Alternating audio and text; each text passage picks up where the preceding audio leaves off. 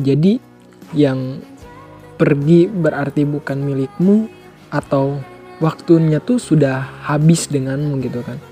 Yang mengkhianati berarti sedang memberikan pelajaran dengan pengalaman untukmu sendiri gitu kan.